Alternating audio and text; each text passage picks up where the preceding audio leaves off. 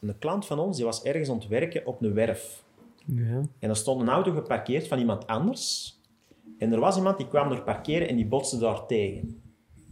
En die man die roept direct naar die mannen daar op de stelling: Ja, maar ik kan er een papiertje onder de ruitwisser steken, dan kunnen we het achteraf regelen. En die man op de stelling, die, dat was eigenlijk een slimme kerel, die dacht: Ik ga daar toch een foto van trekken van die man zijn nummerplaat. Die had er tegen was gebotst en zei: Ik ga daar een briefje onder steken. Die rijdt door. Op een gegeven moment komt, dat was toevallig een dame, die komt eraan. eh, en die man op de stelling die roepen, ja, die meneer is tegen een auto gebotst, die heeft een briefje achter de ruitenwisser gestoken. Op dat briefje stond letterlijk,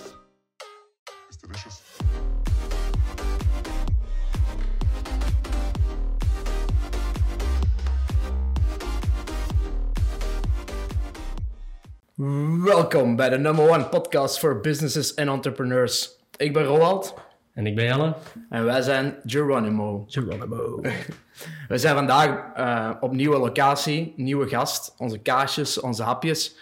Ehm, en ja, Alles staat klaar, hè? Ehm vooraleer dat we beginnen, vergeet zeker niet een kijkje te nemen op al onze socials. eh zijn de TikTok, Instagram, YouTube. Eh, we posten ook onze Belwerp contest. Spotify niet natuurlijk, natuurlijk. Eh, we posten ook onze Belwerp contest ehm, op onze YouTube en onze Instagram. Eh, dus ook zeker daar eens een keer kijken. En op onze Instagram ook eh, een beetje behind the scenes content van wat we allemaal doen. Dus ook van vandaag bijvoorbeeld. ja, en dan onze gast. Het is iemand die zit in de verzekeringen Ja. eh, in Osmalle.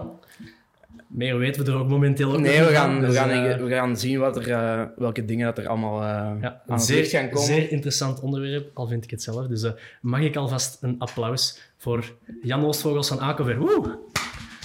Kom maar, zet u, zet u. Dag Jan, dag, Dag Jan. Jan. Allereerst school zou ik zeggen. Ja, dank u, dank u, we gaan, eh, we gaan hem vullen. Ja, ik heb mezelf dit keer een, eh een Duvel 666 uitgegoten. Ay, uitgegoten. Uit het flesje.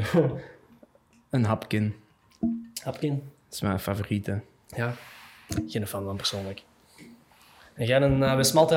Ja, we zijn uiteindelijk in Malle, dus Ah, dat hoort een beetje, hè. dat Dat hoort bij de streek. we zeggen wel eens voor de deur chauffeur, dus we houden ons aan eraan. Hè. Al gelijk spreukens, hè. Alright. Jan, je hebt Yes. net al meegedaan met de belwerpcompetitie van Geronimo, Ja. waar dat je een uitermate goede score hebt gehaald. Eh, Ja, wat eigenlijk. vond, wat vond je ervan? Ja, zeer leuk, hè. Eh, En ook ja, heel origineel en vooral eh, ja, een beetje gevaarlijk. Beetje We gevaarlijk. hebben daar volledig risicoloos gedaan. Dat is een beetje eigen aan mijn sector natuurlijk. Maar het is allemaal heel voorzichtig en in goede sferen gedaan. Dus, eh, en het viel uiteindelijk nogal mee. Dus ik ben er tevreden van. Het was een plezante activiteit. Ja, want je had het in het verleden ook al eens gedaan. Ja, we zijn eens met vrienden een keer in Antwerpen, een keer gaan een avondje gaan bijlwerpen. Oké. Na tien keer bowlen was bijlwerpen Ja. wel eens een keer een leuke variatie erop. Dus eh, nee, heel tof eigenlijk, een aanrader. Oké, Ja, dus je had al goed kunnen oefenen Ja. voor onze Geronimo Extra Contest. absoluut. En wa- Vandaar. waar, waar in Antwerpen is dat juist? Eh, dat is in de buurt van de voetgangerstunnel. Tegen de Scheldekaaien. Ah, ja, ja, ja. ja. Dus die zegt eh, centrum, centrum Antwerpen. Bij Woodcutter, ja. Ah, ja, Woodcutter. ja, ja, Ja. ja. Ah, Oké. En zeer leuk. Eh, die hebben ook, eh, net zoals bij een bowlingbaan, zijn er meerdere banen. Dus je kunt er altijd wel terecht. Je kunt Ja. online boeken, is fijn. Teambuildings. Handig. Ja, teambuildings, voilà. toestanden. Alright. Alleen één regel, op voorhand niet te veel drinken. Voor de vrijgezellen, avonden Ah, en zo. ja, zaken, oké. hè. Want anders wordt het wel gevaarlijk Ja, natuurlijk. ja, het. Belangrijk. We hebben ons eraan gehouden, in de mate van het mogelijke. Oké. Ehm, maar vandaag dan bij Geronimo op de podcast. Ja. Yes. Eh, uw eerste podcast dat je ooit doet? Ja, toch wel, absoluut. absoluut. Mijn dat dochters doen het al wel soms, denk ik. Maar eh, nee, Oké. bij mij was er nog niet van gekomen. Alright, alright. Van Nee. bij deze, hè. Ja, Maar ehm, ja, dan gaan we eigenlijk richting de verzekeringen, hè. Ja, daar zijn we hier voor vandaag. Ja, hè. Dus, voilà. eh, Ja. Meer te weten te komen over hoe dat allemaal in elkaar zit en, en hoe dat je eigenlijk eh, ja, misschien daarmee begonnen bent of hoe zet je daar eigenlijk ingerold? Ehm, ja dat was eigenlijk een, een studieverhaal hè, dat, dat niet zo fantastisch was, omdat ik op... Ik zat in Antwerpen op handelswetenschappen en dat was een richting waar je er eigenlijk nog alle kanten uit kon gaan. Mhm. En dan, ja, dat was niet zo'n gigantisch, gigantisch succes. eh, omdat, ja, ik, ik had liever iets waar ik direct naar een beroep zou gaan, hè, voor, voor het studeren dan. En dan zijn we eigenlijk eh, terechtgekomen in, eh, op de Karel de Grote Hogeschool in Antwerpen, op de Groenplaats. En daar kon Ja. echt studeren voor een vak. En dat sprak mij echt wel aan, dus dat ging dan vanzelf, hè, tegen, tegenover de handelswetenschap. En dan zijn we er heel snel ingerold, voor, voor een aantal werkgevers gaan werken. Eh, dat sprak mij ook enorm aan, van die mensen ook veel geleerd. En dan uiteindelijk de stap kunnen zetten naar zelfstandigen Oké. omdat, ja, omdat er ja, nog veel mensen in geholpen kunnen worden, denk ik, in die, Ja. in die verzekeringsmaterie. Niemand kent er iets van. En je kunt de mensen veel bijbrengen. Als het hun interesseert, tenminste. Hè, want, Ja. En hoe lang bent je nu zelfstandig dan? Eh, zelfstandig, dat zal dit jaar tien jaar zijn. Dus Oh, mij een jubileum. dat is toch al even... Ja, dan moeten we nog een, een feestje voor eh, verzinnen of organiseren. Oké, want we zitten hier nu bij Acover. Ja. Is dat ook hetgeen dat je vanaf dag één dan al gedaan hebt? Is dat Acover tien jaar geleden opgestart geweest? Ik ben of, eh, eigenlijk, ja, als zelfstandige wel, hè. maar ik ben eigenlijk vroeger in een ver verleden begonnen bij een KBC-kantoor. Eh, dan heb ik voor een verzekeringsmakelaar in Essen gewerkt, in Hoogstraten en dan in Oostmalle. De vrouw van mijn leven tegengekomen, Oh. blijven plakken. ja. En dan het geluk gehad van hier ook een, een, een makelaarskantoor te hebben, een verzekeringsmakelaar, die dat op eh, pensioenleeftijd kwam. Daar is mee afgesproken en van, e- van het een is het ander gekomen en zo zitten we hier nu. Hè. Oké. Ja, Oké. geluk gehad eigenlijk, heel veel geluk gehad. Het is, zo zie je maar, als, als dat ondernemen, het is niet altijd... Het is vaak ook geluk hebben, toevalligheden, maar je moet ze wel zoeken. Je moet ze Ja. nemen. De, kansen- de kansen nemen, dat je krijgt. Afdwingen. Vanzelf komt het niet, maar als je zoekt, dan, dan komt het wel goed. En je zegt geëngageerd dan. eh. ja. En, en die ervaringen dat je hebt opgedaan voordat je zelfstandig begon, vond je die noodzakelijk om zelf te beginnen? Of, Absoluut. Ja, want ik heb nog net verteld dat ik op drie plekken gewerkt heb voordat ik zelfstandige werd. En, en elk van die drie plekken hebben mij veel geleerd eigenlijk. Dus allee, voor één werkgever werken is goed. Uh, maar je kunt toch, ja, som, soms zijn verschillende invalshoeken wel oké. Uh, zeker uh, naar verzekeringen toe. Kennis van, van alle kanten. Ja, eigenlijk. veel, ook, niet elk kantoor werkt met hetzelfde type klant. Dat heb ik daar Ah, ja, Het enige wat ik niet gedaan heb, is op een verzekeringsmaatschappij gewerkt. Dat had ik misschien nog wel graag eens gedaan, om daar ook de binnenkant goed van te kennen. Maar mijn vrouw Leen, die heeft dan op een verzekeringsmaatschappij gewerkt. Dus daar zijn we ook een perfecte match. ja, Oké. Dus dat is ook eh, opgevuld. Ja. Ja. Ja. Alright. Dus Alright. je kent ook het reilen en zeilen aan de binnenkant van een verzekeringsmaatschappij. Want dat is uiteindelijk hetgene wat wij doen. Wij zijn eigenlijk gewoon de, de communicator tussen die verzekeringsmaatschappij en de klant. Oké. Omdat een verzekeringsmaatschappij, ja, die werken van op een bureau in Antwerpen of in Brussel. En wij doen daar eigenlijk ja, Ja. het vertalen aan een klant. Hè, zowel bij, De bij, bij, bij een polis maken of bij een schadegeval zijn wij de, degene die helpen Ja, oké. om dat goed te doen. En zit uw vrouw dan ook mee in de, de zaak? Of hoe moet ik dat juist zien? Ja, eh, voor een groot stuk wel, maar eigenlijk is haar hoofdactiviteit, zij geeft les op die Karel de Grote Hogeschool. Ah. Dus de cirkel helemaal rond. ja, ja, ja. Nu, het was niet dat hij daar les gaf toen ik daar naar school ging. Oké. Ik had geen kan. privileges of zo. Dus, eh, nee, nee, nee. Dus dat is eigenlijk nadien gekomen. Want zij, zij is dan eigenlijk vanuit de verzekeringsbranche, ja, om toch wel die link te houden, en het, on- het onderwijs interesseerde haar ook enorm, eh, is, heeft zij eigenlijk gekozen om dan binnen de Karel de Grote Hogeschool eh, les te gaan geven. En ze geeft bijvoorbeeld les in arbeidsongevallen. En dat is bijvoorbeeld iets wat, wat voor ons weer heel interessant is, omdat ja, een arbeidsongeval, wij komen dat niet alle dagen tegen. Gelukkig. Eh, toch zeker niet alle speciale eh, dossiers, maar zij kent dat wel vanuit haar theoretische kennis. Wat is bijvoorbeeld, nou ja, zeg maar iets, wat is de normale arbeidsweg? En, allee, om niet te veel in detail te gaan, maar er zijn toch bepaalde specificiteiten dat ook in het voordeel van onze klanten eigenlijk zijn, dat haar kennis hier op kantoor wordt binnengebracht en dat voor ons heel interessant is om toch heel professioneel te werken. Oké. En hoeveel werknemers zijn er nu bij, eh Ja, bij ik- eh, om, ja, ik, ik spreek eigenlijk niet vaak over werknemers en, en zeker niet over bazen. Ik zeg, Oké. ik zeg altijd, wij zijn met zeven. In totaal. Dus leen erbij en, en gewoon het aantal mensen tellen, wij zijn met zeven. Hè? Klinkt ook mooier dan. Hè? zeker. Ja, ja. Nu, Dan twee part-timers en iemand fulltime. En, en, Ja. hè? Maar eigenlijk zijn we, ik zal zeggen, we hebben twee schadebeheerders. Dan hebben we nog twee mensen op productie, iemand onthaal en productie in de levensverzekeringen. En dan mezelf en Leen. En dan zijn we met zeven mensen. Ja, want als we even terugblikken op onze vorige podcast Ja, met ja. Willem Renders, dat is ook een van zijn uitspraken dat hij gezegd heeft. Dus dat komt terug, we merken het Ja. al, dat je bent je ziet jezelf niet als baas. Je ziet je ook niet als Nee. werkgever. Je, staat op dezelfde lijn als je, Ja. als je collega's. Dat is, dat is mooi. Dat is heel mooi. Ja, de Willem zei, ik ben geen baas, ik ben een werkgever. Ja. Ja. Ik, ik, wil, ik sta tussen mijn jongens en, en zo wil ik ook gezien worden. Want Ja. anders ja, krijg je dan misschien niet de juiste Ja. dingen gedaan. Of dan is er een hiërarchie die niet Klopt. gezond is of die niet... Klopt. Ik denk goed dat dat voor, voor ondernemen dat dat wel een belangrijke Ja. is. Het heeft echt eh, voor- en nadelen. Ga je naar een grotere structuur, ik denk vanaf die mensen moeten daar misschien iets anders mee omgaan, ik weet het Ja. niet. Maar nu is het zeker heel fijn om, om allee, gewoon samen te zijn, want dat was het enige wat ik dan echt miste van vroeger, uit buiten mijn, mijn ex-collega's, heel toffe mensen. Eh, wat ik ook echt miste van vroeger was zo die collegiale sfeer. Zo. Ja. Als je toch op een gegeven moment ondernemer wordt en dan, ja, om toch het woord te gebruiken, baas, Mhm. ja, je komt toch in een ander Mhm. gangetje terecht. Dus Ja. het is niet dat je onder de collega's zit. Hè. Er wordt ook wel eens iets gezegd onder elkaar en dat is niet altijd waar dat een baas of waar ik bij ben dan.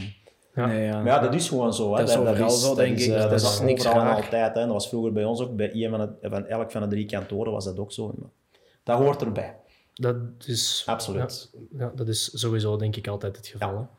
Ehm, nee, en dan verder de verzekeringen, dat is eigenlijk jullie hoofdbusiness dat jullie doen.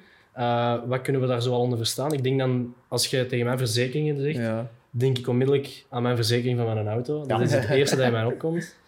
Ja, maar je mocht gerust zeggen dat eh verzekering van de auto, dat eigenlijk ja, misschien van onze dagtaken wel 50% is waar, waar dat we mee bezig zijn eigenlijk. Omdat ja, mensen veranderen vaak van auto iets sneller dan dat ze van huis veranderen, bijvoorbeeld.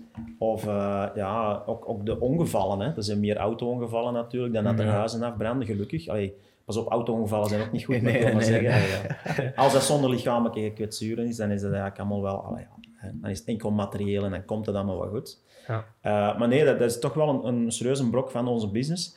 Maar eigenlijk, ja, mensen weten dat vaak niet, maar we doen veel, veel meer. Hè. Dus elke vraag dat er bij ons binnenkomt van verzekeringen, kunnen wij eigenlijk beantwoorden ja, met informatie of een product. Hè.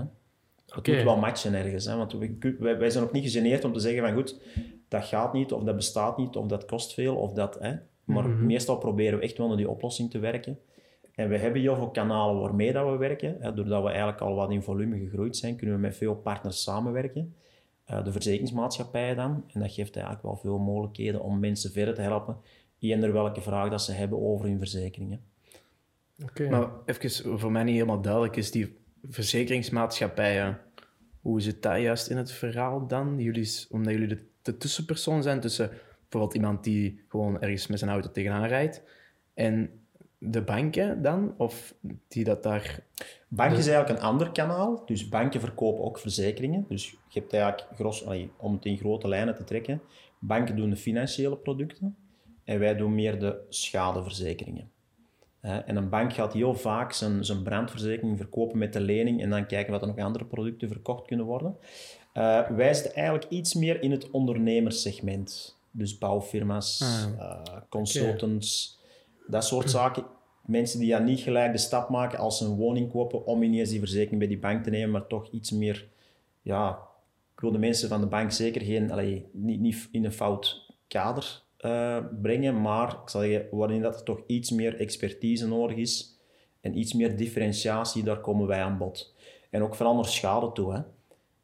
Bij de bank wordt de schadedienst meestal vanuit een telecel geregeld, terwijl dat wij, als ik met, een schadegeval, ik weet nog, een aantal jaar geleden was het hier eh, een salve kermis, een Ja, eh, ja. grote kermis. Ik had gepland van daar een hele dag naartoe te gaan, s morgens vroeg. De dag ervoor had enorm, was het, eh, een grote storm.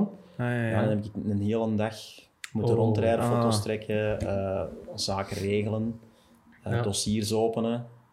Maar s'avonds wel beland op zelf. Ja. Dus, eh, Juist, dat, dat vergeten mensen denk ik wel vaak. Dat als er eens een keer iets voorvalt, zijn een storm waarbij dat er tekken naar beneden komen, Ja. dan zeker voor huizen toe denk ik dat er dekpannen afwaaien of, of weet ik veel wat. Dan moeten jullie er altijd eh, ook bij zijn natuurlijk.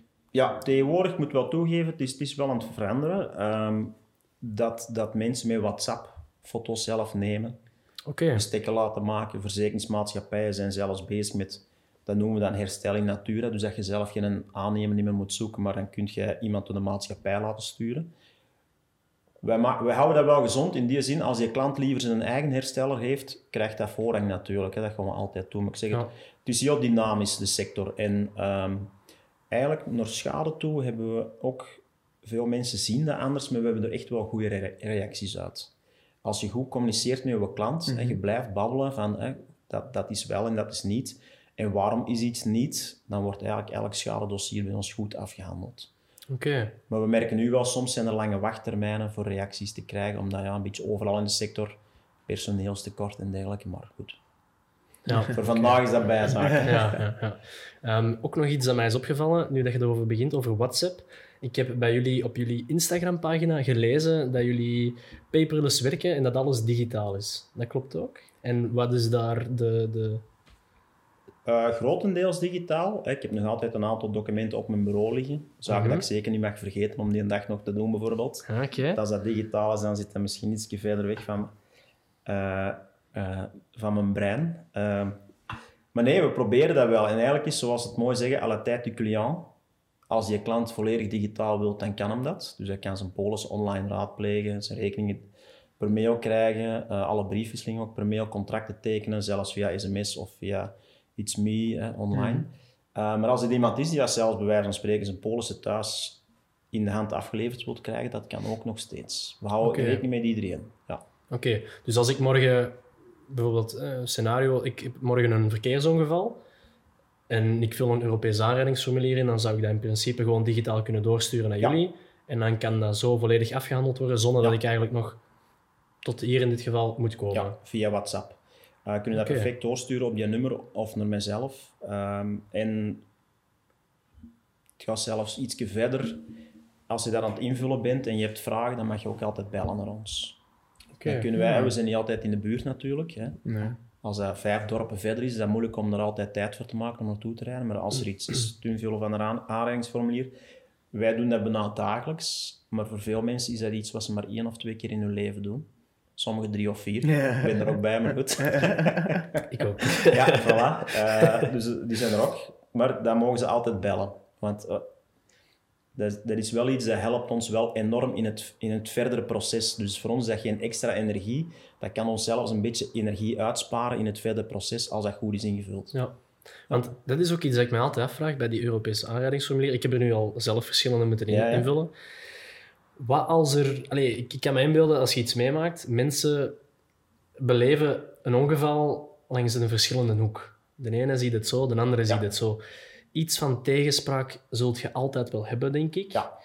Hoe worden zo'n dingen opgelost? Dat je echt zegt van, ja, we komen er niet uit, of nee, jij moest stoppen en ik had voorrang. Of, allee, kijken Ja. jullie echt naar, naar, naar wat kijken jullie juist? In, in de realiteit wordt eigenlijk bij een discussie vaak in eerste instantie de politie gebeld. Maar eigenlijk is dat hun taak niet. Die moeten eigenlijk enkel ter plaatse komen als het een heel ernstig ongeval is en dat er lichamelijke gekwetsten zijn. Nu, in principe is daar een oplossing voor dat je elk een aanrijdingsformulier neemt. Als je er twee bij hebt tenminste, elks één. Hè. En je vult de gegevens in van jezelf aan beide kanten. En eh, op één versie zet je jouw verklaring, wat jouw standpunt is. En op die andere versie zet de andere persoon zijn verklaring en je tekent alleen jouw versie. Dus zodoende heeft elk van de partijen een getekende versie van wat zijn verklaring is. En dan gaan achteraf de verzekeraars, als het discussie blijft natuurlijk, als het een duidelijke situatie is, eh, bijvoorbeeld een, een, een baan waar maar eenrichtingsverkeer is en, een- en het is discussie over wie van de juiste kant kwam, dan gaan we achteraf direct wel weten wie dat in fout was natuurlijk. dat- Uiteraard, ja. Maar als de discussie niet direct kan opgelost worden door de beheerders, de schadebeheerders zelf, ja, dan kan het tot in de rechtbank gaan, hè, dat eh, advocaten dat verder gaan uitspitten. En dan kan het zelfs zijn dat er, dan noemen we dat een reconstructie, dat er ter plaatse terug wordt gekomen en de voertuigen tegen elkaar Is, worden komt dat vaak voor, zoiets? Ehm, niet heel vaak, heel weinig zelfs, gelukkig. Meestal zijn de omstandigheden altijd wel duidelijk genoeg, of zijn er, en daarom ook heel belangrijk, getuigen.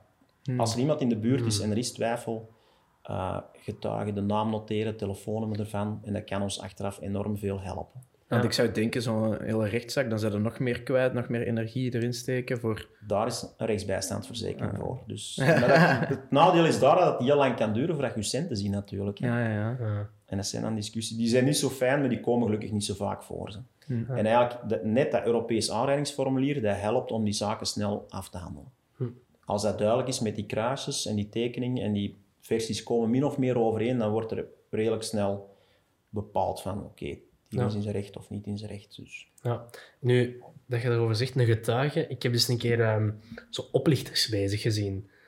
Heb je dat nog nooit gezien? Jawel, jawel. Zo van die oplichters die rijden dan bijvoorbeeld met een auto en die stoppen bij een kruispunt waar dat ze eigenlijk voorrang hebben. Ja. En die auto achterin, die rijdt er dan bonk op, want die remmen heel abrupt. Ja. Ehm, op dat ogenblik komt er in één keer een gast uit de bosjes gesprongen en die zegt, ik ben getuige, ik heb dat allemaal gezien. Ja. En dan zeggen die van, ah, die meneer is getuige en ik ken die niet. Uiteindelijk, die oplichters kennen dan elkaar wel. Ja. Dan gaan die de papieren invullen en op het einde van de rit komt jij er nadelig uit. Ja. Omdat die getuige dan zo gezegd, is dat alles voorgevallen? Dat hebben we nog niet meegemaakt. Eh, we hebben dan wel eh, vreemde dossiers meegemaakt. En dat is dan ineens eigenlijk een hele goede inleiding naar een tweede tip. Eh, neem foto's ter plaatse hè, van de omstandigheden, van de personen die er staan, van nummerplaten. Want we hebben eens iemand gehad met een valse nummerplaat. Oh, Die achteraf beweerde dat hem daar niet was. En dan omdat die persoon op de foto stond, Oh, ah, kon ja. hem niet meer zeggen natuurlijk dat hij er niet was. Hè. Ja, nee. Dus foto's nemen, iedereen heeft tegenwoordig een fototoestel bij. Iedereen is mini-journalist, dus... eh, ja. Dus eh, je kunt, eh, ja, dat helpt enorm, dat soort zaken. Maar meestal, ik zeg het, dat is, dat is de minderheid van de zaak. Maar iedereen heeft daar wel de schrik van natuurlijk. Van als ik het dan meemaak en het, er is verwarring, en daarom ook weer hetgeen wat ik er straks zei, ehm, als je ons dan belt, dan kunnen wij direct wel aanvoelen van welke richting dat het uitgaat. Ja. Oké. En, en wat zijn dan nog zo de meest voorkomende verzekeringen die jullie hier eh, afsluiten? Ja, ik denk op één uiteraard de, de, de, brand, eh, de autoverzekering en dan op twee de brandverzekering, hè, de woningen. Hè. Ah, Hetgeen wat je in elke straat ziet, huizen, nog Ja. meer auto's. Dus ja, auto's op één, brandverzekering op twee. En dan is hetgeen wat erbij komt, hè, de aansprakelijkheidsverzekeringen van de mensen, de ondernemers, de, de arbeidsongevallenverzekeringen, de, Ja. noem maar op, hospitalisatieverzekeringen, pensioenspaarplannen, dat soort zaken. Dus. Maar je kunt eigenlijk alles verzekeren als je wilt bij ja, jullie. absoluut. Ja, Dus ik kan heel hier ver mee, gaan. eh, weet ik veel, als mijn vriendin hier met eh, haar handtassenverzameling komt verzekeren, Ja, dat kan ook allemaal. Kan perfect. Oké. Ja. En welke verzekeringen zijn zoal verplicht in België? Eh, er zijn er niet zoveel. Mensen denken dat er heel veel zijn. Een klein onderscheid dat je moet maken, je hebt wettelijk verplicht en je hebt contractueel verplicht. Dus hè, iedereen denkt, ik moet mij verplicht een brandverzekering nemen. Mhm. Eigenlijk niet. Als ik mijn kantoor niet in brand, tegen brand wil verzekeren, dan moet ik dat niet. Maar wie gaat mij dat wel contractueel verplichten? Dat is de bank waar ik een lening heb afgesloten. Die gaat zeggen, ja, we gaan hem een lening geven, maar we willen wel, als er een brand is, dat je dat overleeft, dat dan een verzekeraar u gaat Hmm. redden, eigenlijk financieel. Oké. Dus, maar eigenlijk puur wettelijk verplicht zijn we alleen maar eh, gehouden om een autoverzekering te nemen. Zelfs niet een omniumverzekering, want enkel de aansprakelijkheid. Als je een fietser omverrijdt met een auto, daarom dat de politie je tegenhoudt, moet jij een verzekeringsbewijs kunnen laten zien. Dat is die wettelijke verplichting. En dan voor ondernemers is het eigenlijk enkel de, de, de arbeidsongevallenverzekering. En vanaf dat je met personeel werkt, moet jij een arbeidsongevallenverzekering afsluiten. En mensen die een, een restaurant of een horecazaak hebben, dus nog een, ja, een objectieve aansprakelijkheidsverzekering. Dat is voor als er een brand of een ontploffing zou zijn in het gebouw, dat er niet wordt gediscussieerd over wie dat er eigenlijk in fout is of wat er eigenlijk gebeurd is, maar dat de mensen die dat daar dan aanwezig zijn, dat die onmiddellijk vergoed worden. Oké. En dat is ook een verplichte verzekering dan voor Ja, restaurants en vooral, cafés? dat komen we tegen bij restaurants, cafés, dat soort zaken, die moeten dat nemen. Oké. En ook heel grote winkelpanden, dat ook. Ja. Dus als er iets gebeurt. Maar niet voor de kleine winkels of de kleine... Ja. Een kapsalon bijvoorbeeld moet dat niet nemen of zo. Hè. Ja, oké. en dan mijn volgende vraag. Je zegt net, als je een onderneming hebt en je hebt gasten, dan ben je verplicht om de verzekering aan te gaan. Is dat dan ook zo als je bijvoorbeeld een eenmanszaak hebt of je werkt alleen in een, in een bedrijf? Ja, voor jezelf niet. Hè. Een zelfstandige moet zichzelf niet verzekeren. Hè. Nee. Dat bepaalt hij zelf. Die heeft Ja. een sociaal vangnet dat de, wet, de, wet, de, de, de, de overheid voor hem heeft gecreëerd. Maar voor eh, arbeiders of bedienden moet er een arbeidsongevallenverzekering afgesloten worden. Ja. Ja, oké. Nog één zaak eh, dat ik nog wou meegeven, naar verplichte verzekeringen. Je hebt wel bepaalde beroepen, bijvoorbeeld verzekeringsmakelaars of, of dokters of advocaten. Om het beroep te mogen uitoefenen, moeten zij ook wel een aansprakelijkheidsverzekering nemen. Het geval dat een dokter of een, chirurg meestal iets verkeerd doet tijdens een operatie, dat daar toch een verzekeraar Ja. achter zit Dat, die, eh, ja. die dat die letsels kan vergoeden. dat is ook wel eh, logisch, denk ik. Hè? Ja, absoluut. En in de bouwsector zijn er nu ook een aantal verplichte verzekeringen bijgekomen, maar dat is Ja. nogal technisch. Oké, oké. Ik kan het uitleggen, ze, maar Ja. Ja, het moet boeiend blijven. Geen stress. Ik, ben, eh, ik hang aan uw lippen momenteel. Dus, eh, eh, ik heb ook nog één vraag. en dat is iets dat mij ook is inge- opgekomen. Ehm, bepaalde verzekeringen, gelijk een autoverzekering, ik kan me inbeelden dat je voor bijvoorbeeld een Lamborghini meer verzekering moet betalen dan ehm, bijvoorbeeld Ja. een... Allee, Fiat. Panda. Voilà, bijvoorbeeld. Ehm, Ja. Maar hoe zit dat eigenlijk? Want ik heb dat ooit eens gehoord, ik weet niet of dat waar is. Zit er een verschil tussen verzekeringen voor mannen en voor vrouwen? Vroeger wel. Nu niet meer. Oké. Omdat vroeger, en dat noemen we dan eh, met, met een mooi woord het unisex-tarief. Dus eh, er mag geen onderscheid meer gemaakt worden tussen man en vrouw. En waar was dat bijvoorbeeld? Bijvoorbeeld in een autoverzekering. En nu komt hem op. Dat was voor vrouwen goedkoper dan voor mannen.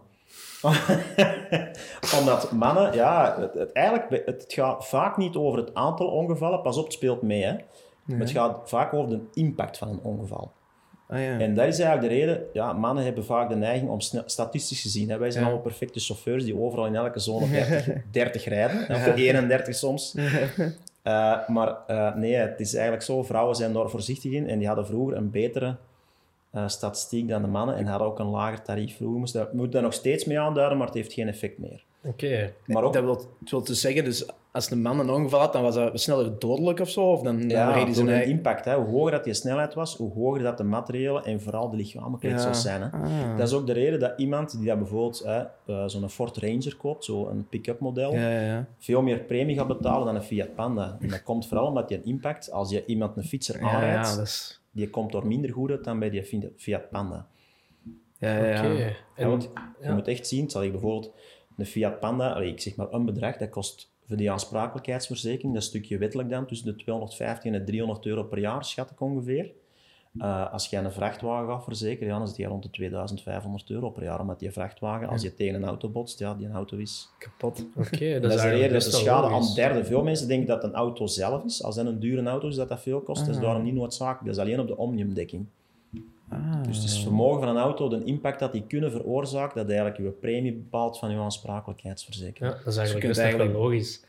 Want ik zoek er Ja. altijd nog andere dingen achter. Van, oh, die auto is, die rijdt sneller of die trekt sneller op. Ja, of die is gewoon duurder. Ja, ja. Ja, kijk naar de elektrische voertuigen. Hè. Er is nu een beetje een race aan de gang van om door het snelste aan die 100 per uur te komen.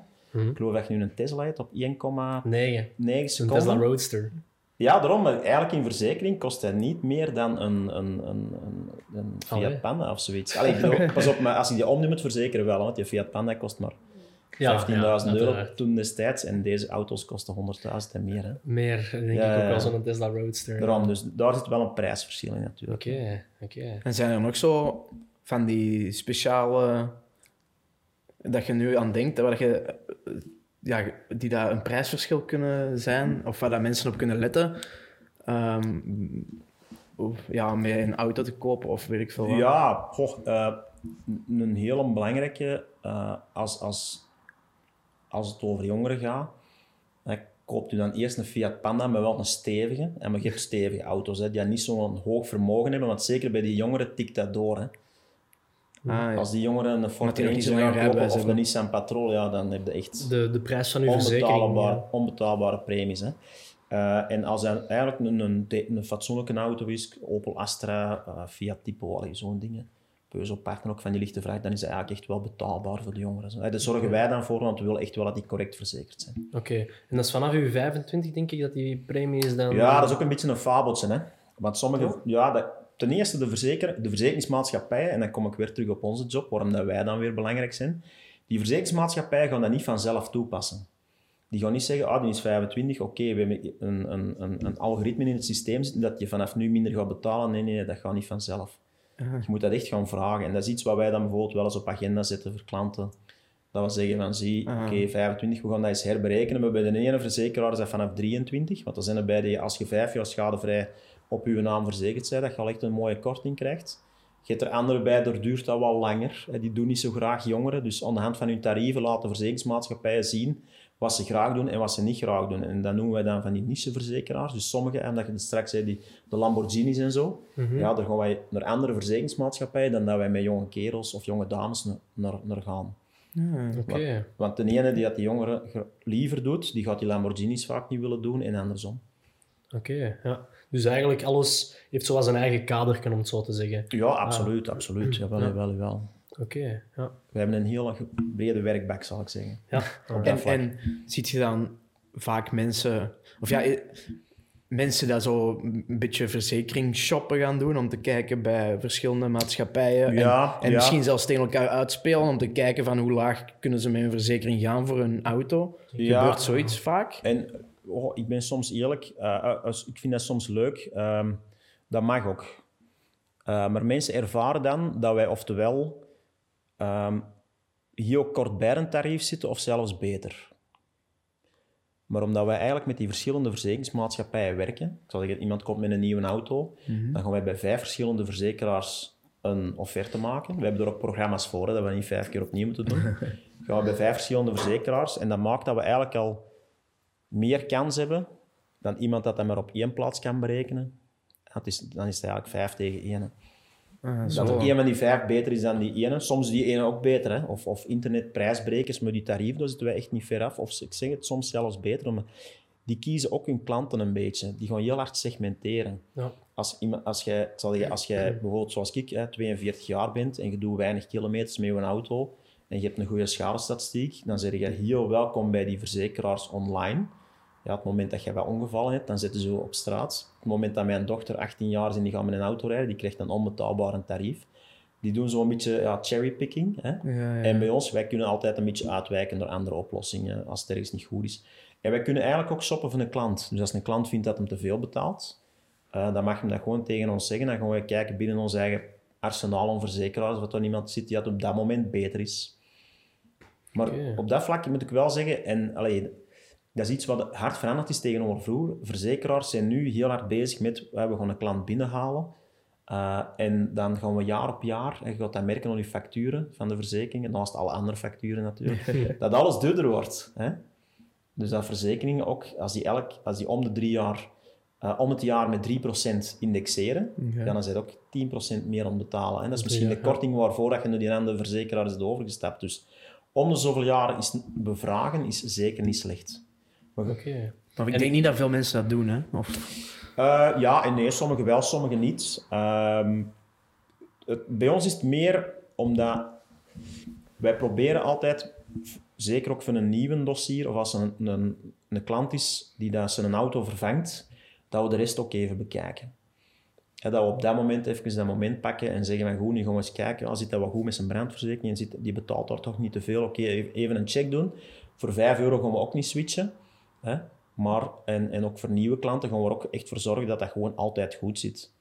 Dat, dat, dat dat niet een heel jaar is van... Ja, mensen mogen ook vinden dat ze te veel betalen. Ik heb daar geen problemen mee. Omdat die verzekeraars, die indexeren, die, die doen tariefverhogingen. Wij hebben niet de mogelijkheid om elk jaar elke polis te herzien natuurlijk. Maar ja, Ja, ze mogen het vragen. Dan kan doen we dat met plezier. Ik kan me inbeelden dat je telkens nieuwe klanten hebt en je hebt dan nog je, je bestaande eh, klanten, dat je dan een tijd wel allee, veel mensen hebt en dat je dan voor iedereen om de drie jaar moet gaan kijken voor een uh, ganse Ja. vernieuwing. Dat is moeilijk, denk ik. Maar wij zeggen het ook zo tegen de klanten. Eh, wij, wij maken eigenlijk geen beloftes. Ik ga wel een opsplitsingsma- opsplitsing maken. Eh, naar bedrijfsklanten doen we dat soms wel. Eh, grote bedrijven die grote premievolumes betalen in hun verzekeringen. Omdat, ja, wij zijn allemaal gewend van jaarlijkse verzekeringscontracten, maar in bedrijven wordt er wel eens gewerkt met driejaarlijkse contracten. Gewoon op iets langer termijn. Omdat dat, ja, een jaar is in de ondernemerswereld, hetzelfde als in de gewone wereld, maar in de ondernemerswereld is dat vaak niks om echt, eh, zeker met, met grote, een groot aantal mensen, in arbeidsongevallen bijvoorbeeld, een jaar schadestatistiek, daar, daar hebben we wein- eh, daar hebben we niks aan of daar hebben we weinig informatie uit. Dus daarom zeggen verzekeraars, we willen die contracten op drie jaar nemen. Dan hebben we een goed beeld en kunnen we na drie jaar tarief herzien en kunnen we terug drie jaar verder werken. En dat is voor beide partijen een afspraak maken, drie jaar een beetje continuïteit. Maar dat neemt niet weg dat je verzekeraar na drie jaar, dat een concurrent van hem veel goedkoper is, op basis van een goede schadestatistiek. Dus wat doen wij na 2,5 jaar? Wij vragen die schadestatistiek op bij die verzekeraar en sturen dat door naar de andere. En dan gaan wij proberen van te onderhandelen dat je klant de beste prijs heeft. Oké. Want ik werk liever voor een bestaande klant 20 jaar aan een stuk, dan elk jaar een nieuwe te moeten maken. ja, nee, dat is, daar hangt ook een kostprijs aan, hè, om telkens nieuwe klanten te verwerven. Ja, op, de, op, op dat vlak is onze sector compleet anders dan bijvoorbeeld een bouwsector. Hè. Ja, Iemand zet maar één keer een huis of iemand koopt dus een auto bij die garage. Eh, bij ons is het anders. Hè. We moeten echt gaan voor die continuïteit. En, Ja, want je kunt eigenlijk van met dit switchen naar een andere. ja, je hebt, je hebt wel opzegbaarheid. Hè. Dus om het jaar kunnen switchen. Zoals vroeger de energiecontracten. Maar dat heeft de Europese regelgeving aangepast. Dat je eigenlijk met je energiecontract altijd kunt switchen. Ja. een heel jaar door. Ehm, bij ons is dat ook sprake in de sector, maar dat heeft voor- en nadelen. Zo simpel is het. Omdat mensen willen bijvoorbeeld voor hun auto een verzekeringsbewijs voor een heel jaar lang. Maar ja, als je dan halfweg switcht, moeten die eigenlijk terug afgeven. Allee, hoe gaan we dat praktisch allemaal aanpakken?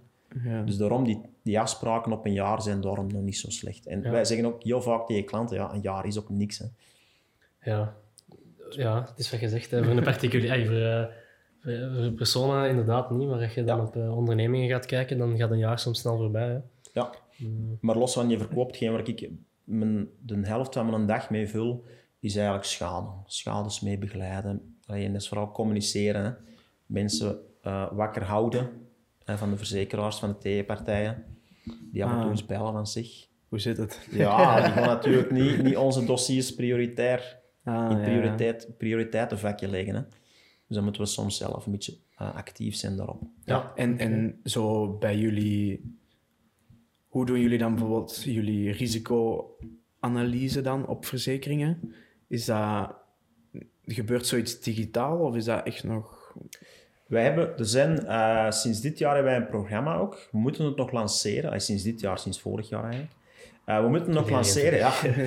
we moeten het nog, nog lanceren eigenlijk, eh, waarin dat we echt met je klant de mogelijkheid geven, omdat we, hè, zoals ze straks gezegd, van, we gaan niet iedereen verplichten om digitaal te gaan, maar dat we wel die bedrijven de mogelijkheid geven dat er een automatisch een check komt. Bijvoorbeeld een bedrijf in een loods, en zeker we hebben dat nu gemerkt met de corona, ja, die voorraden die worden, die werden enorm aangevuld omdat er schaarste was.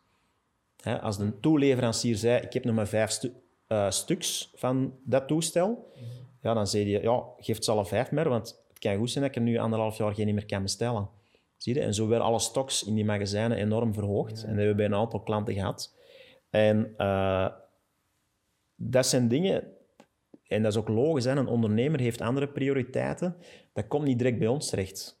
Hè, na die bestelling, oh ja, dan moet ik even naar de Jan bellen voor even door te geven dat ik wat meer stockage heb gedaan. Hè. Dus dat zijn dingen dat we dan proberen digitaal op te vangen door toch even een reminder te sturen van zeggen we stok, klopt dat nog? Is dat nog een beetje accuraat? Want hè, nu met die verandering ook prijsstijgingen en zo, dus vandaar. Ja. Het, is aan het, digitale is aan het komen, maar we moeten, ik ben er heel voorzichtig mee. We moeten daar een heel goed evenwicht in vinden. Eén, het evenwicht, het moet eh, rendabel zijn. En het mag voor de klant zeker niet storend zijn. Dat die toch niet zeggen, en dat gaan we nu een beetje testen, hè, dat die niet zeggen, van, ja, hier is weer een mail naast die 500 andere mails in zijn mailbox. Mhm. Dus het moet een beetje werkbaar zijn. Ja, ik denk dat dat vandaag de dag ook wel iets is dat digitalisering voor elk bedrijf, als je vandaag de dag niet digitaal werkt, dan denk ik niet echt dat je nog up-to-date bent. Ik denk dat het vandaag zelfs een verplichting is voor bedrijven om digitaal te gaan of iets wat Ja. digitaal te hebben. Al is het een website, al is het bereikbaar zijn via... Ja, Maar ik zat meer zo in de richting te denken van dat er programma's of, of zelfs artificial intelligence gebru- gebruikt wordt voor zo'n dingen te berekenen. Ja. Voor, voor ehm, ja, zo, zo kosten. eh, ja, kan ik alles nog betalen als er dit en dit en dit gebeurt? Ja. Ehm, en ja, hoe dat jullie daarmee aan de slag gaan? Of, of Ehm Dat is eigenlijk één... Wat wij eigenlijk doen, wij vertrekken eigenlijk naar een klant van het optimale verzekeringspakket aan te bieden. Dat als er iets gebeurt, dat het opgevangen wordt. We kunnen niet alles opvangen, voor alle duidelijkheid. Hè. Corona is bijvoorbeeld zoiets, dat kon je niet opvangen. Verzekerings, ja. het, het bestond wel, maar dat werd voor evenementen. ja. Een pandemieverzekering dan. Maar ja, toen dacht iedereen nog, dat gaat ons nooit gebeuren. Het bestond toen nog, maar dat is dan heel snel afgeschaft geworden nadien. Maar goed. Ehm, het, eh, eh, maar dan gaan we eigenlijk schalen naar die klant. Hè, want je hebt daar heel grote verschillen in. Iemand die pas een bedrijf heeft overgenomen, daar een grote lening tegenover heeft staan, die gaat zijn pand misschien wel anders verzekeren of zijn activiteiten anders verzekeren dan iemand die na 60 jaar al zijn leningen heeft afbetaald. Het moet niet meer... Allee, liefst nog heel lang, maar wat zal ik wil maar zeggen, financieel zijn daar geen risico's niet meer aan verbonden. De kinderen zijn allemaal uit het huis. Dus ja. Daar zitten enorme verschillen in en je kunt dat moeilijk, denk ik, in een digitaal pakket gaan steken. Om te zeggen tegen een klant, dat is, het, dat is uw risicofactor. Het bestaat, hè, die risicoanalyse, uiteraard. Hè. Absoluut, absoluut. Oké, maar je moet echt persoonlijk gaan kijken. Elke verzekering dat je aan Ja. gaat met iemand, ey, dan moet je echt telkens persoonlijk bekijken. Er zijn zoveel factoren die meespelen. Eh, je giet dat allemaal in ene pot, roert er een keer mee en dan heb je eigenlijk je totaalpakketje. Daar komt het op neer. Ja, het zijn ook de verzekeraars die dat stimuleren, hè, van een, een zo breed mogelijk pakket aan te bieden. Want ja, hoe breder dat je gaat, een kat een kat noemen, hoe meer premie dat er binnenkomt. En premie hebben ze nodig om schades te betalen. Dus die pakketten worden altijd wel heel breed aangeboden. Maar als de klant bij ons daar beslist van nee, ik zie dat toch anders, voor mij hoeft dat allemaal niet maximaal verzekerd te worden. Ik zal zeggen, iemand met een heel oude loods, als je zegt van ja, ik kan je binnen twee jaar afbreken, en die zegt ja, ik kan je niet meer volledig verzekeren, omdat ik niet graag veel premie betaal, dan kan dat. Ja. Geen probleem. Maar als het iemand is die dat, dat pas een lening voor heeft afgesloten, ja, vaak gaat die bank zeggen, die moet wel volledig verzekerd zijn. Uh, maar dan, dan gaan wij ook wel adviseren en die gaat dat ook... ai, niet dat je ons advies moet volgen, maar die mensengevoel zelf, die man of die vrouw, die gaat dat zelf wel aanvoelen van oké, dit is toch wel een belangrijk om goed te verzekeren. Ja. En zo, zo matcht dat altijd eigenlijk wel. Zo, er hebben- ik moet eerlijk zeggen, er hebben minder... Ik denk dat digitaal in onze sector meer hulpmiddelen moeten zijn. En niet echt adviesmiddel. Want ik denk dat het daar wel eens fout kan gaan, heel snel. Ja, oké. Dat we dat, maar je hebt bepaalde zaken, bijvoorbeeld waar gebeurt het wel.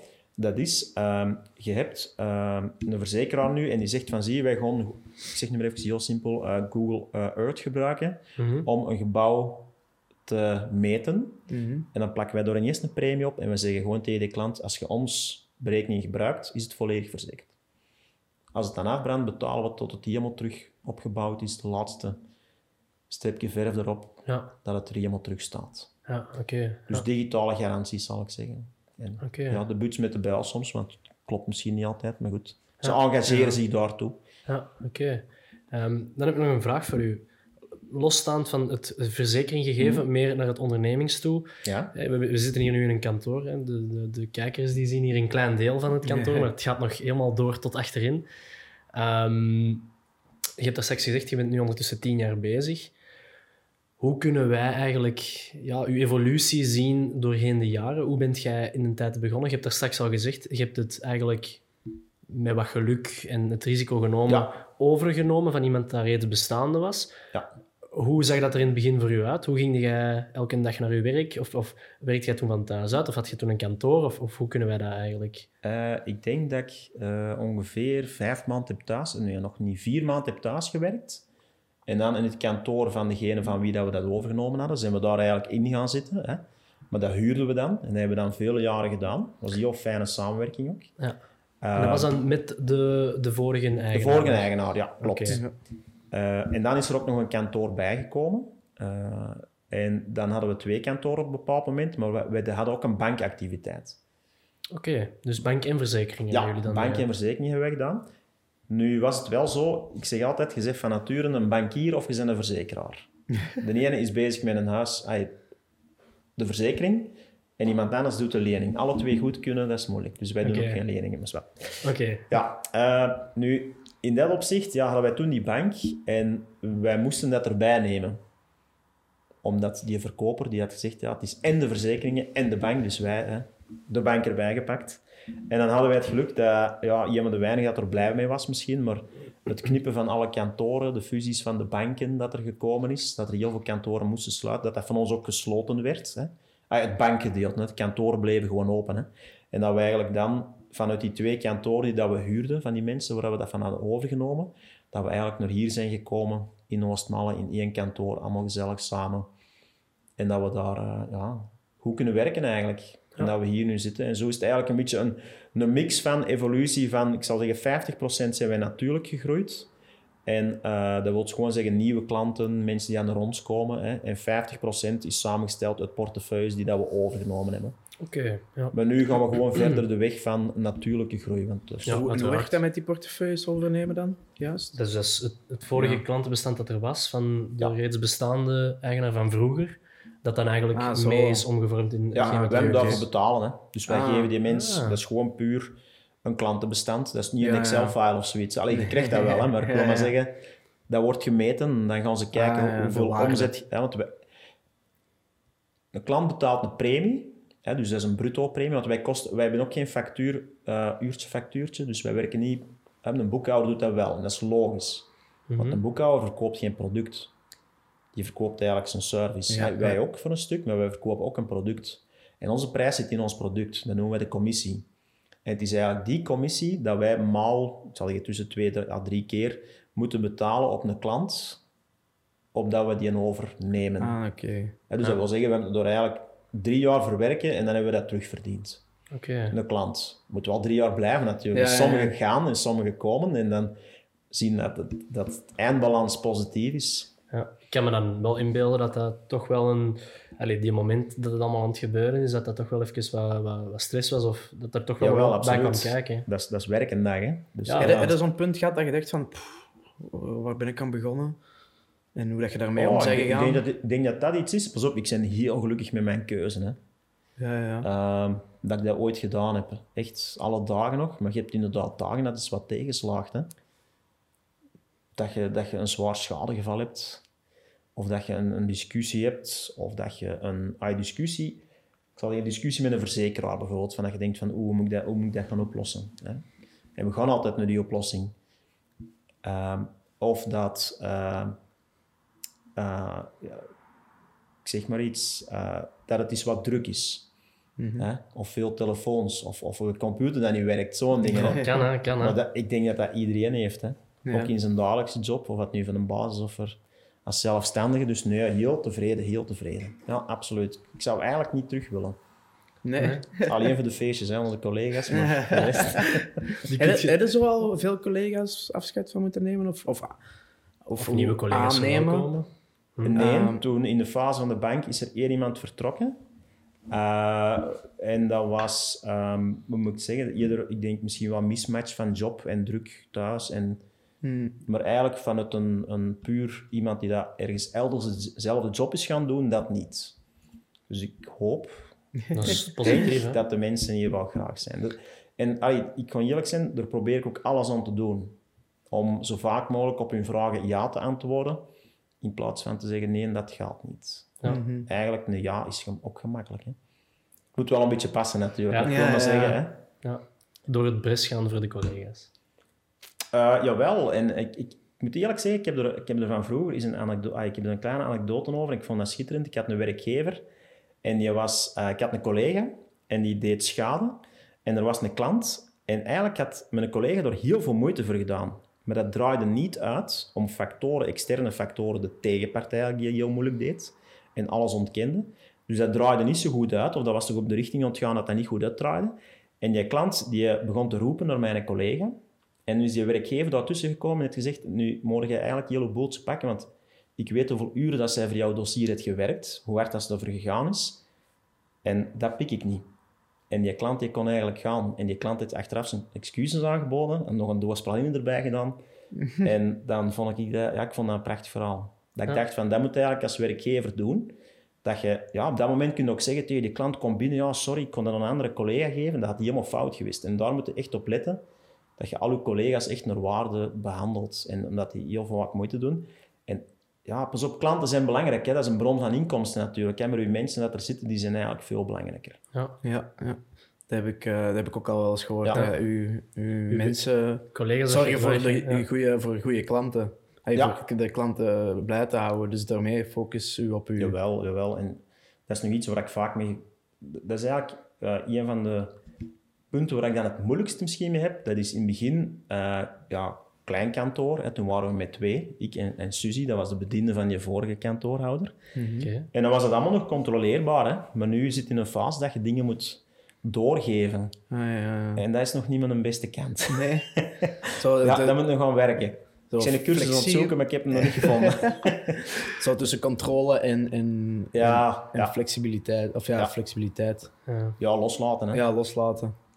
Ja, dat is moeilijk, denk ik. Om die stap te maken. Zeker dat je vroeger het zelf ook allemaal deed. En dat je Ja, dat nu ja. het moet uitlenen aan, dat is inderdaad... En iemand anders doet het misschien op, een, niet, op zijn, niet op de manier waarop jij het altijd gedaan hebt, waardoor dat je Ja. misschien denkt dat het Maar dat is de altijd... verkeerde hè. manier is, maar dat is misschien niet per se de verkeerde dat, is manier. altijd, dat kunnen we zelfs bij ons terugkijken. Hè? Naar onze manier van werken en hoe wij bepaalde dingen aanpakken. Dat komt bij ons al terug. Laat staan dat je dan nog, nog met meer man op een bureau zit. Dan kan ik me inbeelden dat dat soms wel niet per se een valkuil is, maar wel dat je vertrouwen moet hebben. Ja, absoluut. Ja. En je moet ze dat geven, punt. Ja, Zo is het eigenlijk. ja klopt. Eh, maar dat is ook iets wat ik dan... eh, ik heb eens ene keer naar een, een presentatie van de twee Jannen van het Sportpaleis. Je hebt Jan van Eesbeek en dan nog een andere Jan. Zijn achternaam ontbreekt niks, maar het was in ieder geval de Jan waar ik de achternaam niet van weet. En die had tien tips voor de... Want die zijn eigenlijk gewoon begonnen met een studentenclub die dat de Night of the Proms eens één keer ging organiseren. En zelf die ketjes knippen en maken. En allee, dat is gegroeid tot... En nu is dat weer wat minder Night of the Proms, maar die hebben uiteindelijk het Sportpaleis gekocht. Of baten die uit, ik zal het zo zeggen, want zij Ja. doen de uitbating. En ook van verschillende andere evenementen halen. Dus die mannen zijn heel succesvol in heel hun verhaal geweest. En die had tien tips voor ondernemers. Ik heb er daar een paar van onder onthouden. En eentje was, doe alles zelf, maar niet te lang. Goed, hè? Ja, dat is wel, ja, Ja. ja. Dus, ja, ja. En dat moet je kunnen. Dan zijn je een goede ondernemer dat je dat op een bepaald moment echt kunt loslaten. Oké. Dat is materie om over na te denken. hè? Ja, ja, ja. Je had nog tips, hè? Eh, als die, als dat was ook een hele goeie, die gebruik ik ook nog jaarlijks twee of drie keer. Eh, als je je, eh, het heel druk gaat krijgen, verwittig je sociale omgeving daar op voorhand van. Kort samengevat, zeg tegen je vrouw op voorhand, komende week niet veel thuis zijn, s'avonds en in het weekend. Mhm, dat is Dat is veel beter dan tijdens dat weekend moeten zeggen, ja, sorry, ik zal een uur later zijn, dan is het eigenlijk al te laat. Dan zijn Ja. maar andersom ook, hè. vrouwen, mannen, ik bedoel, dat, is, dat geldt Ja, voor ja, iedereen. hè. ja, dat is niet van de vrouw dat daar de, de fout is. eigenlijk de man die dat daar, of andersom, fouten is in de zin van, ja, verwittig gewoon de mensen op voorhand van, zie, er komt een hele drukke periode aan. Ah, oké, dan kunnen we dat beter inplannen. Ja, goede Ja. communicatie, cruciaal. Ja, absoluut. En ja, die man zal thuis ook wel eens slaande deuren hebben gehad dan waarschijnlijk op dat moment. Vermoed ik. hè. Vermoedelijk, want anders geeft hem zo'n Pas op, niet, ik heb dat nog nooit meegemaakt, vrouwen. Dat is te beter. ja, ja, ja, voilà. Wat, wat ik ook altijd interessant vind om te vragen aan iemand die ondernemend bezig is, uw, uw leiderskwaliteiten. Dat is belangrijk, omdat Ja. je mensen moet... eh, ja, mensen uw, uw firma moet laten vooruit laten gaan. Hoe zijt je daarmee bezig? Of, of eh, vind je dat je dat goed doet? Of dat je ehm, mensen uw visie kunt overbrengen? Dat is wel goed. Ja, dat is een hele goede vraag. Ehm, en ik ben daar misschien zelf wel niet heel, heel hard van overtuigd dat ik dat zelf volledig heb. Leiderskwaliteiten. Ik ben Maar meer- je, je- je- ja, dat ja, kan heel verschillend zijn. Hè? Ja, absoluut. Ja, maar ik kan ervoor zorgen dat iedereen het naar zijn zin heeft. Hè. Ik kan zorgen dat we een goede groep blijven. In dat, op dat vlak, leiderskwaliteiten. Mhm. Maar ehm, ik, ik heb het moeilijk mee, met bijvoorbeeld eh, ja, echt keihard te zijn. Hè. De- eh, maar misschien is dat niet de definitie van een leiderskwaliteit. Hè. Het is, het mijn is hoe dat je het zelf ziet. Ik hè. denk op lange Ja, termijn dat, dat ik noem het niet echt aanpak, ik noem het meer natuur hè, van mezelf. Dat dit misschien meer rendabel is dan echt keihard te zijn. Ik, Eh. ja, ik denk dat je dat ook moet aanvoelen, zoiets. Ja, voilà. Ik denk dat je op bepaalde momenten, het is wat je net zelf zegt, oké, niet naar je collega's toe dan, maar naar bijvoorbeeld een klant toe, dat je op een bepaald ogenblik zegt van, hier stopt het, het is genoeg Ja. geweest, het, ga, Dat, pak je bullen, ga ergens anders heen, dat is een heel andere aanpak. Voor hetzelfde geld, een half uur ervoor, waar je met z'n allen nog een koffie aan het drinken, leuk aan het kletsen, alles dat je wilt. Ja, ja. Maar als er iets serieus is, dan moet je er ook staan.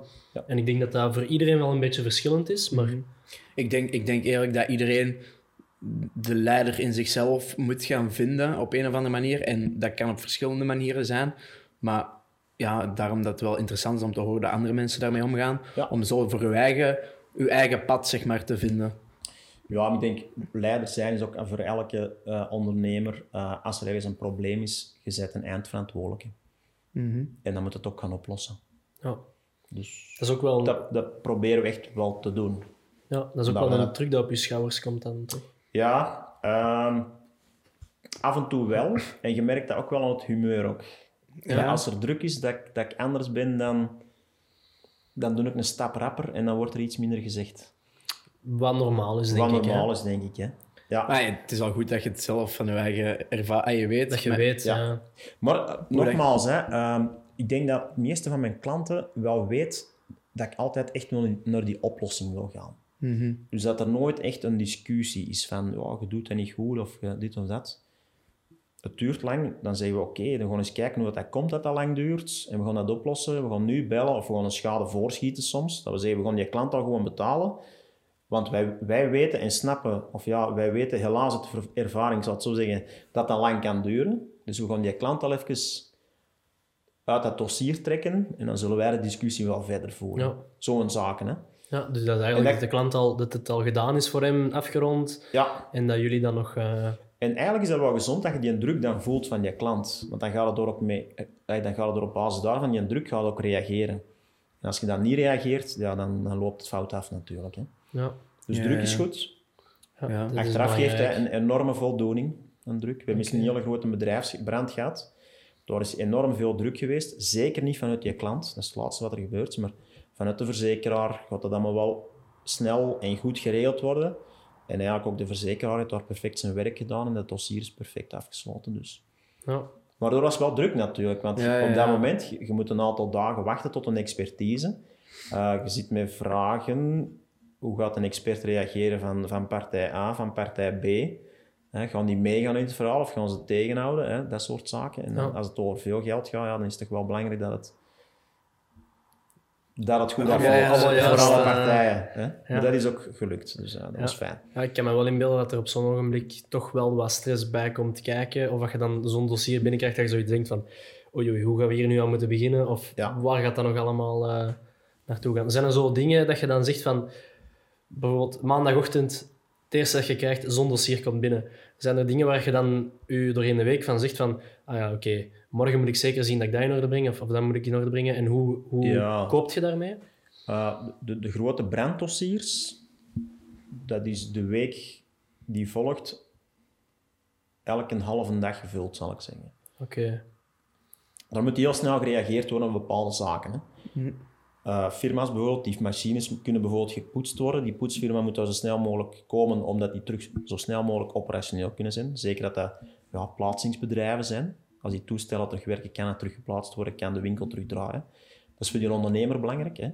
Uh, vaststellingen komen doen, aansprakelijke partijen gaan vinden, uh, tegen partijen uitnodigen voor expertises, hopen, hopen dat die zo snel komen, de klant bijstaan, klant uit inventarissen maken van wat er allemaal weg kan zijn bij Ja. een brand.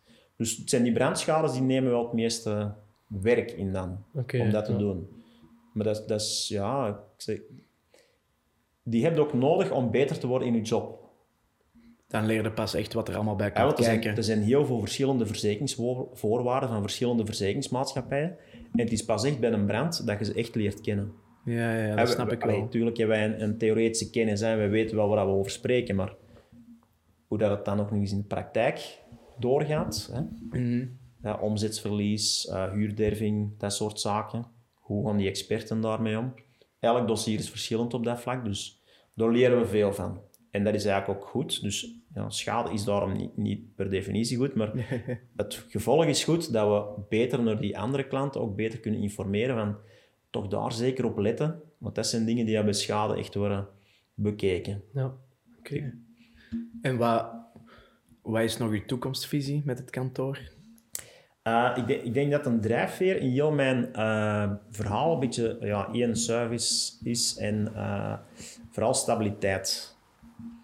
Oké. Wat bedoelt je met stabiliteit ik, dan? Ik, ja, ik, ik ga het anders zeggen. Ik kan niet elke klant kennen, maar ik weet meestal wel wie dat is en ja, meestal wel waarover het gaat. Ja. En pas op, schitterende kantoren waar ik gewerkt heb. hè. Ik heb op kantoor gewerkt waar dat dan 30 of 40 mensen werken. Ja, dat is er niet altijd natuurlijk. Hè. En, en dan gaat het meer naar het leiderschap, het management Ja. verhaal. Terwijl ik nu ben ik echt nog een mechanieker, maar dan in de verzekeringen. terwijl ik ben niet de, de ik zal zeggen, de, de, de, de- hoe zeg je dat? Ja, Iemand met een heel grote garage. Ja, ja. Ah, Dus ja, waar- ja, die dat daar de, de boer runt. Nee, ik ben meer de mechanieker en dat wil ik ook een beetje houden. Met een goede ploeg van mechaniekers. En ik denk dat daar een- mensen met hun auto het liefst naartoe gaan. Ja. Dat je bij iemand terechtkomt die dat zegt, ah, dat zal het zijn of dat zal het zijn, en altijd naar die oplossing gaan. Dat know-how heeft van Ja, die hoe know-how, en wat dat er geldt Ja, en ik denk ook dat die, die band met je klanten belangrijk is in deze sector ook. Dat je een beetje een vertrouwensband hebt. Ja, absoluut. Want anders, ja, je gaat toch mee... Ja, de mensen hun centen om. Ja, voilà, daarom. Ja. Absoluut. En- Ja. Je ziet dat niet zo, dat is iets heel vervelend, dat elke keer die rekening binnenkomt van je brandverzekering of van die autoverzekering. Mhm. Maar wij zien wat daar het achter zit qua schade. Dus bijvoorbeeld bij ene verzekeraar, ik heb gisteren de statistiek binnengekregen, ja, dat is met statistieken bij ons natuurlijk. Ja. Hè. Ene verzekeraar hebben we vorig jaar voor 600.000 euro schades uitbetaald. Zie je? Dus allee, er gebeurt wel wat. Hè. Verzekeraars hebben heel Ja. slechte... eh, ja, mensen hebben daar een slecht gevoel bij. Hè. Slechte, bij, een slechte naam eigenlijk. Ja, omdat je het niet direct ziet. Maar ja, voilà, maar er zijn andere mensen dat er ook anders over denken. Hmm. Dus ja. En wat zijn zo... Zijn dat, dat zijn een van de topbedragen dat je zoiets moet uitbetalen dan? Of, of... Jawel, jawel. We, we hebben al grote dossiers gehad. Dus eigenlijk dit jaar, ze waren, eigenlijk heeft die verzekeraar tegen ons gezegd, je hebt een goed schadejaar achter de rug. De schade was, het was een laag... Het Dat was, is heel dubbel het eigenlijk. was een laag bedrag, maar we hebben al jaren gehad waarin dat eh, een veelvoud was van dat bedrag. Ah, oké, dus het was een laag bedrag. Als in, er zijn niet veel ongevallen Ja. gebeurd, dus het De is eigenlijk verzekeraar is goed. dat goed, hè? dus die heeft die premies binnengekregen, die moet daar die schades mee betalen. Dus die heeft daarvan overgehouden. Oké. Maar dat is niet voor mij hè, wat er overschiet, hè, voor alle Nee, hè. nee, uiteraard. Dat is, eh, nee, Nee, nee, dat is voor de verzekeringsmaatschappij en wij hebben daar een bepaald percentage van. Ah, Oké. zo, ja, ja. Ja, ik was al aan het denken dat je van hoe meer ongevallen dat er gebeuren, hoe beter. Maar dat is ook Ja, niet het nee, wat is goed, hè? Allee, hoe, hoe definieer je goed? Ja, hè? Of ja, van... Maar ja, dus, er zijn ook sowieso ongevallen dat er gebeuren en dat je zegt van ja, wij hebben er niks meer mee te maken. Of ja, wij, wij, wij vergoeden dat niet. Dat zal ook wel eens gebeuren, denk ik. Is dat niet een moeilijke soms? Dat je mensen, ja, Ik, ik heb er een voorbeeld van. Stel je voor dat je je auto parkeert ergens. ja, De dag erna rijdt iemand er tegen. Je hebt niks gezien. Je hebt geen gegevens. Dus een verkeersongeval met vluchtmisdrijf. Er is schade aan je wagen. Dan vind ik het altijd moeilijk. Stel je voor dat ik nu morgen eh, een vetsje maak met mijn auto. En ik heb een deuk in mijn bumper. En ik denk van, oh, weet je, ik ga ik gewoon eh, naar de verzekering. En ik zie dat iemand anders dat gedaan heeft. Krijg ik het zo gemakkelijk gedaan? nee, nee, nee, nee, Nee, nee, hè? helaas niet. Nee, want het- ze moeten altijd een tegenpartij hebben. En die tegenpartij moet dat ook bevestigen. Oké, dus dat je geen tegenpartij hebt. Als je een omniumverzekering hebt, een volledige omnium, zoals dat zo schoon noemen, dan, is dat, Volledige dan wordt dat geregeld. Ja, dan moet elk ja, jaar wel tussen de, ik zal zeggen, een omniumverzekering, vroeger was dat duurder eigenlijk, verzekeringen, autoverzekeringen, is een van de weinige producten die uit de afgelopen jaren goedkoper geworden zijn door alle veiligheidsopties. ah, Dus waar dat Op de vroeger, wagens. dat je een auto... Wat? Op de wagens bedoel je? Ja, op de wagens, hè. Dus met parkeren, Sensoren en zo. sensoren, Ah, ja. vooral de, de adaptieve cruise control, hè, die, als je Ah, voor je ja. remt, wat dat zijn de zware schadegevallen, die tikken door, hè. Hmm. Je kunt, ik zal zeggen, vijf Porsche in elkaar rijden, totaal los. Dat kost mi- minder dan één iemand die daar levenslang in de rolstoel zit. ja.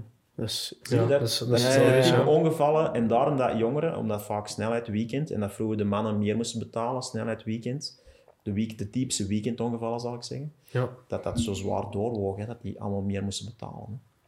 hè. oké. Maar nu met die veiligheidsopties, allee, ik zal zeggen, waar een paar jaar geleden een schone auto 1500 euro per jaar verzekeringspremie kostte, kost je nu nog 1100, 1200. Afhankelijk van het type voertuig, ik pak maar gewoon een referentie. ja, ja, Ja, gewoon een, een... Ja, ja. Ja, Dus dat het eigenlijk goedkoper is geworden. Ja. Maar als je een omnium hebt, wou ik zeggen, dan is vluchtmisdrijf. Maar de meeste mensen die dat hun omniumverzekering schrappen, hebben zoiets van, die een auto, die ehm, is het misschien niet meer waard om dat nog te doen. Ja, ja, dus als die wat ja. minder waard zijn, ze botsen er dan tegen. Wat ook niet volledig waar is, want ik heb het ooit zelf ge- meegemaakt. Ik was met een klant in Turnhout in de, in de Paterstraat. Ah, ja, ja. En mijn auto was geparkeerd. Het was geen eh, mooie auto, het was niet meer zo'n nieuwe auto, het had geen omniumverzekering. En ik kwam terug en er had iemand die heel de flank Heel de kapot flank. gereden. Ja, ja, ja, het was serieus. Het was echt... eh, ja, Ah. het was koekenbak. Ja dat is- Koekenbak. dat is En ik heb het ook niet kunnen regelen van mezelf, dus... En sindsdien met jij de verzekering. Nee, nee, want ik was eigenlijk nog- redelijk recent gestart eigenlijk met mijn zelfstandige Oké. activiteit. Maar ja, goed.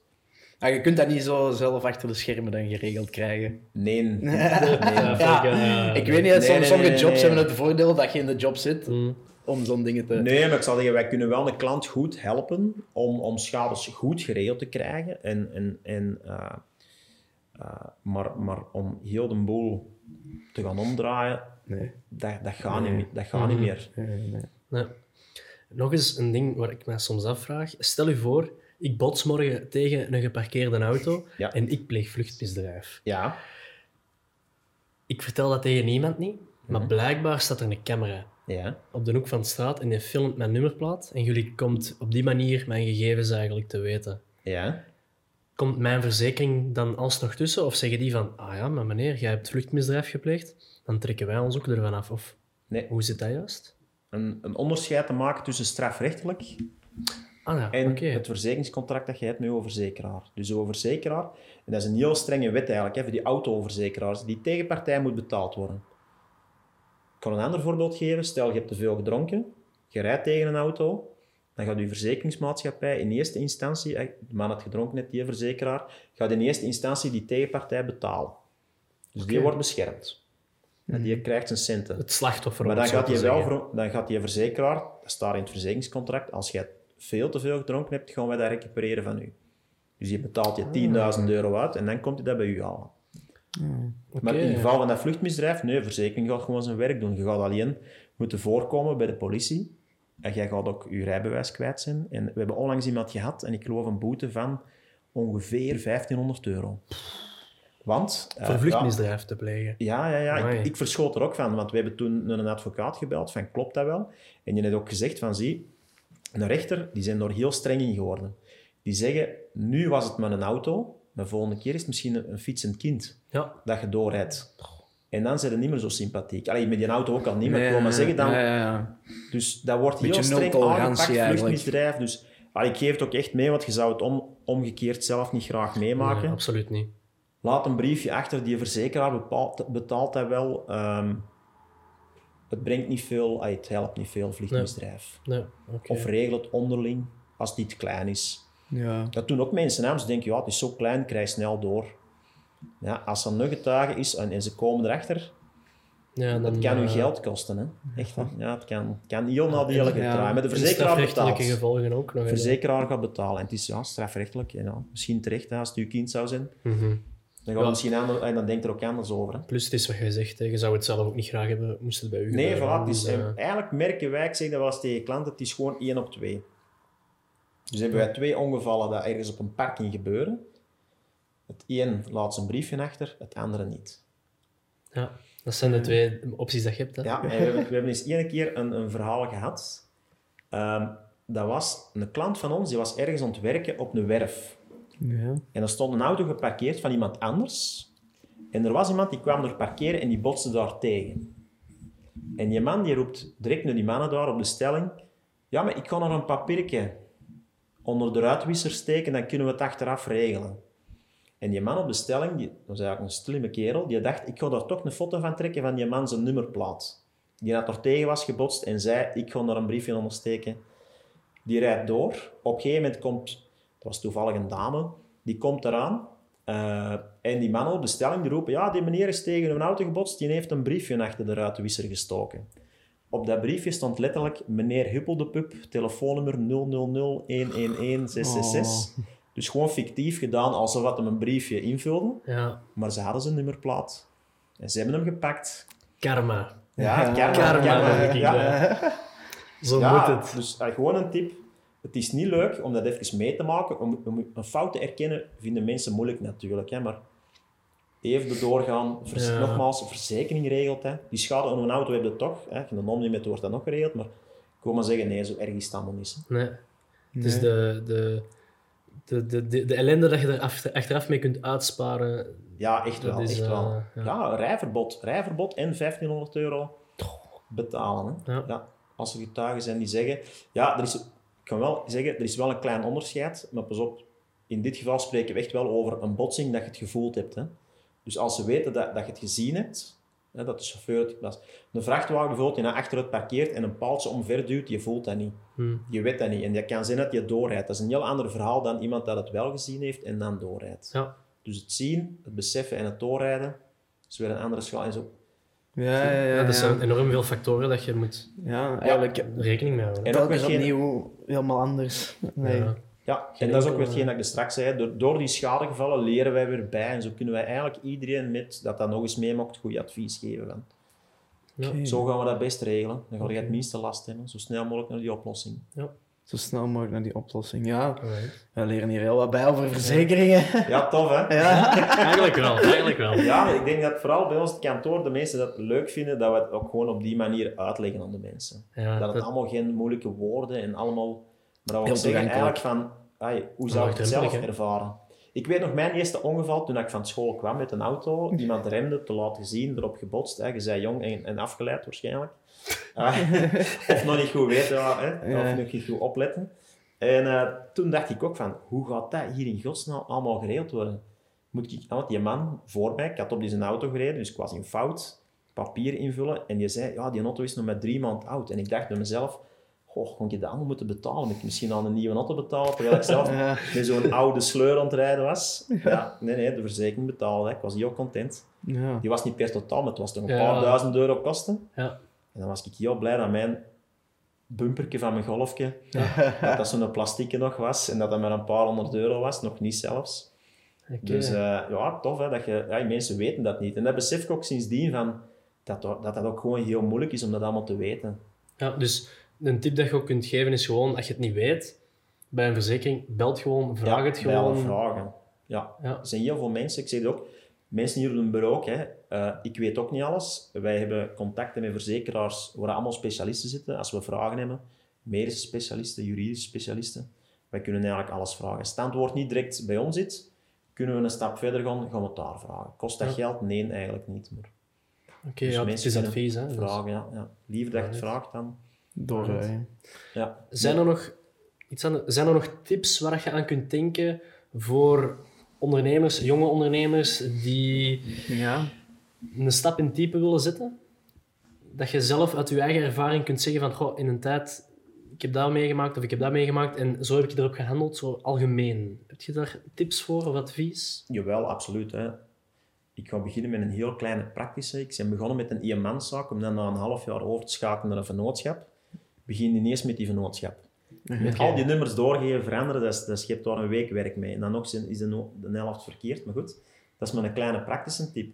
Nee, gewoon durven. Eh, tijd vliegt, leningen worden snel afbetaald. Ehm, maar denk goed na wat je doet. En zij zeker in de beginjaren voorzichtig. Ook met investeringen. Niet het allernieuwste toestel of niet de allerchicste bureau of niet Mhm. het meeste aantal mensen. Hè. En, en dan de tips van, van onze Jan van het Sportpaleis. Ja. Ja, Doe Ja. alles zelf, maar niet te lang. Je Ja. had ook gezegd, betaal met plezier belastingen. toch? Dat wil zeggen dat, een goed, dat de winkel goed draait zijn. Ja. Ehm, ook een hele goede vond ik. ehm, ehm, u, u, zoek vaste partners. Hè, want een vaste partner, als je, in de zin van eh businesspartners. Hè. Ja, dat... dat ja. Als je eens een keer, hij- hij zei het ook zo, als je een keer in de shit zit, komt die nu eruit halen. En als je elk jaar, als je kennen dat jij switcht van partner, als je Hmm. elk jaar switcht, dan zeggen ze ja, want die was volgend jaar toch, allee, of die hè, is nog maar pas klant bij ons. Dus je partners, hij houdt ze een beetje in ere en eh, ehm, ja, niet, niet, niet zomaar hals over kop van partners veranderen. Hè. Goeie behouden. Als relaties het niet goed is, moet het ook stoppen natuurlijk. Ja. Ja. Ja, en dat je, je sociale omgeving goed in de gaten houden. Hè. We zien toch ook bij klanten waarin dat het misloopt thuis met de partner, omdat ze te druk, te veel werk en ja, probeer daar een hele goede balans in te vinden. Hè. In het begin is dat moeilijk, hè. ik heb het ook meegemaakt. Hè. Maar het is misschien geen een tip, maar ik kan ze geruststellen, op een bepaald moment zakt dat wel een beetje, dat vlakt af. Ja, ja. Dat je weet, het kan morgen ook. Ja. Uit zaken, hè. als ik in brand sta niet, of iemand. Ja, ja. Maar het kan morgen ook. We doen dat morgen. En vandaag ben ik even bij mijn kinderen. Ik ga dan met het die smo- doe die 's morgens op school, s'avonds in bed steken. Allee, tussendoor ook nog dingen, Ja, hè, maar ik wil maar zeggen, nee, nee, nee. Probeer een goede balans te vinden. Oké. Je moet nog heel lang werken, dus Ja, voor mijn pensioen. Nee, alright. dat voor de startende ondernemers dan. Ik kan het heel raar zeggen, eh, ik zie mij ook nog als een startende ondernemer, maar ik moet stilletjes aan toegeven dat, nu dat die, die één ervoor komt, hè, van Tien jaar, ja. dat ik Ja, toch zeg, ja, ja. nee, oké. Maar eh, ik ben blij dat we staan, ik zo zeggen. Oké, Ja, nee, tien jaar is een ferme carrière. Hey, dat is toch al ferm... eh, Ja, daar kijken we al naar op. Ja, ja, voilà. ja. dat is zo, dat is ja zo. ze, ze zijn blij nog jong zijn. En, en waar kunnen mensen Acover voornamelijk te vinden? Op online? Social media, of hoe website? Ja, eh, Leen, hè, mijn vrouw dan, die is heel actief op social media. eh, ook een medewerkster nu, die is er heel goed in. Dus daar zijn we toch wel een beetje mee bezig. Maar we vinden dat leuk, hè, leuke dingen posten. Allee. Niet te serieus, want verzekeringen, het Ja, moet ja, alleen maar serieus zijn Ja. als er schade is. Hè. Voor de rest mag dat wel wat leuk blijven. Eh, we hebben ook een website, eh, we hebben eh, ook een Facebookpagina. Eh dan hebben we het zo wel wat gehad eigenlijk. De website www.akover.be.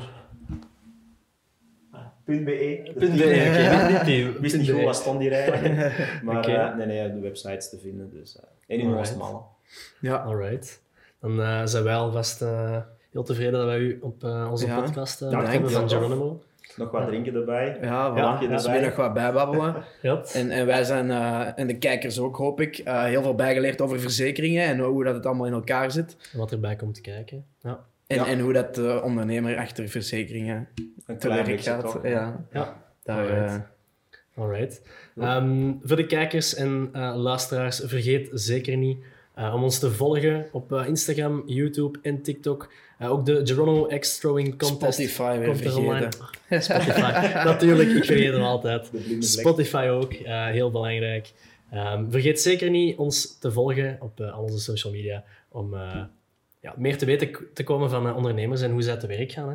Jan, eh, alvast bedankt eh, voor de podcast. Ja. Ja, voilà. Alright. En ja, dan zien we jullie terug de volgende keer. Tot de volgende keer. Ja. Salutjes. Salut. Bye. Bye.